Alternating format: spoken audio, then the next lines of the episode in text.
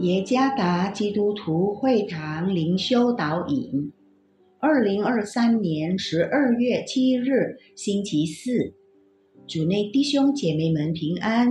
今天的灵修导引，我们要借着圣经以西结书十三章第十节来思想今天的主题：虚假的平安。作者古发起牧师。以西结书十三章第十节，因为他们诱惑我的百姓，说平安，其实没有平安，就像有人立起墙壁，他们盗用未泡透的灰抹上。这个世界上有很多假的事情，包括假怀孕。假妊娠是一个医学术语，指的是表现出与一般怀孕相似现象的女性。据 Help at Hermina Hospital dot com，目前尚不清楚假怀孕的原因。然而，根据多项分析。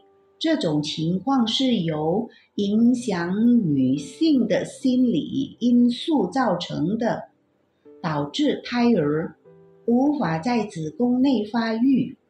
夫妇俩看到准妈妈表现出怀孕的迹象，肯定会很高兴，但当发现怀孕是假妊娠时，这种高兴就会变成失望。在先知以西结的时代，出现了假先知，他们传达的预言实际上并非来自上帝，他们随从自己的心意，却一无所见。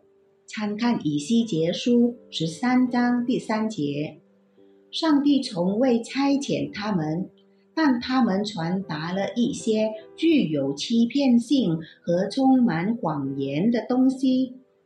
众所周知，当时的以色列人生活在各种令人厌恶的罪恶之中。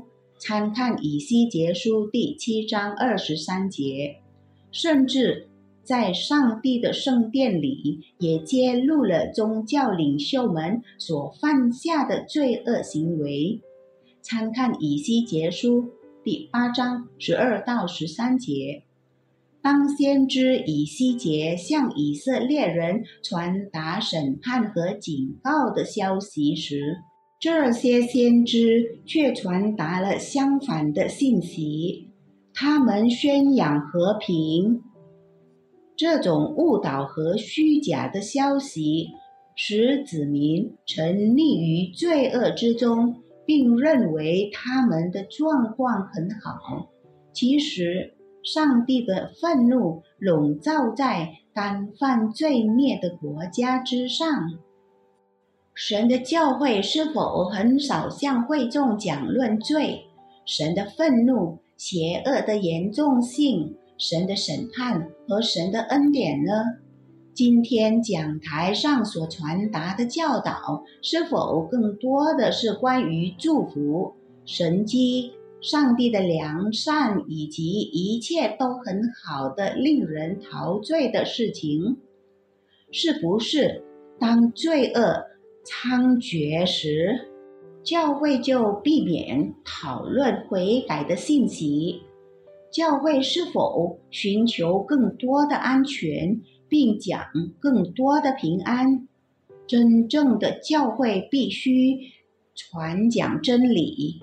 这种平安属于那些已经离开罪恶，而在基督里经历更新并与神和好的人。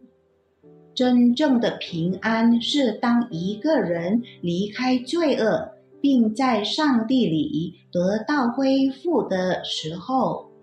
主耶稣赐福。